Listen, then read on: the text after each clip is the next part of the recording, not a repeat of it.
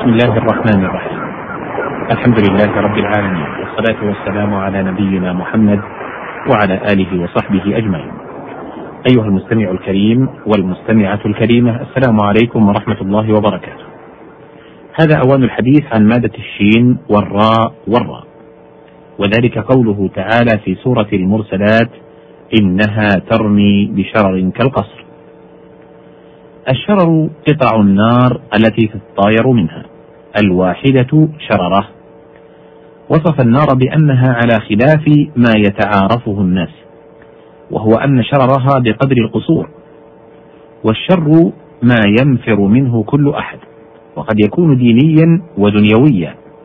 والدنيوي مدرك لذوي العقول وأما الديني فلا يعلم غالبا إلا بوحي كآداب الجوارح في العبادات والامتناع من ملاذ دنيوية وإن حصل بها تألم عاجل فإن بها خيرا آجلا. وقوله عليه الصلاة والسلام والشر ليس إليك أي لا يليق بالأدب نسبة ما يتعارفه الناس شرا إليك. وقيل لا يصعد إليك إلا الطيب من العمل دون الخبيث. إليه يصعد الكلم الطيب والعمل الصالح يرفعه. ويقال رجل شرير وشراني أي متعاط للشر والجمع شرار.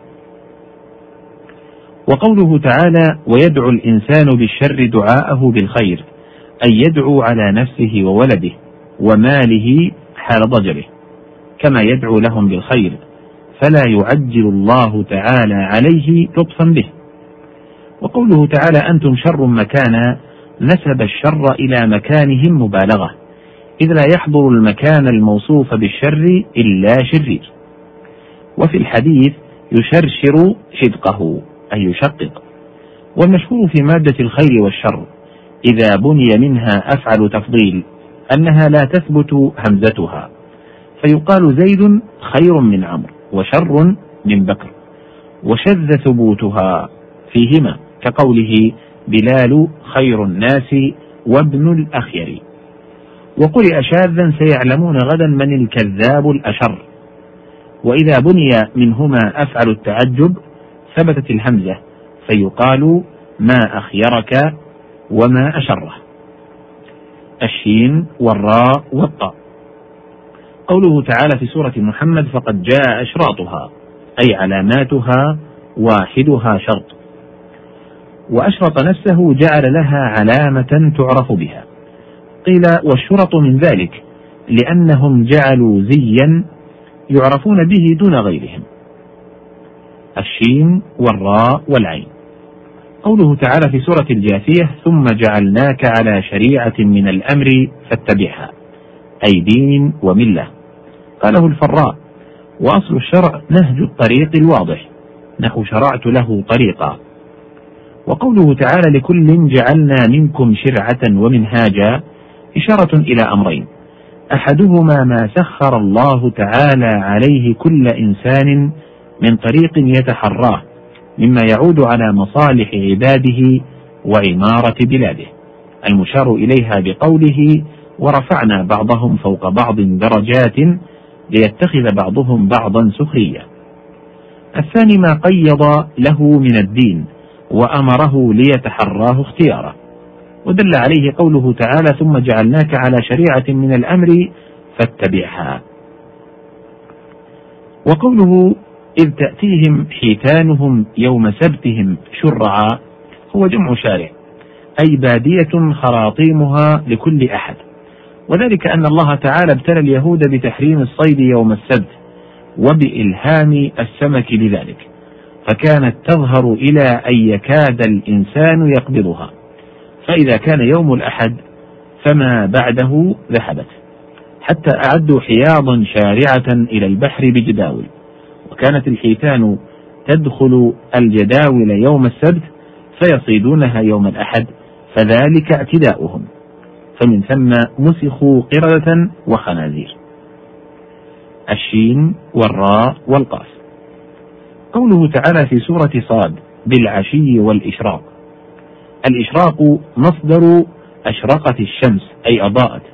يقال شرقت الشمس شروقا طلعت وأشرقت أضاءت وشرقت بالكسر أخذت ودنت للغروب. وقوله تعالى رب المشرق والمغرب وفي موضع آخر بلفظ التثنية وفي آخر بلفظ الجمع وذلك بحسب اختلاف الإرادات. قال بعضهم حيث أتيا بلفظ الإفراد يعني المشرق والمغرب فالمراد بذلك ناحية الشرق والغرب. وحيث أتيا بلفظ التثنية فالمراد مطلع الصيف والشتاء ومغربهما. وحيث ورد بلفظ الجمع فالمراد مطلع كل يوم ومغربه.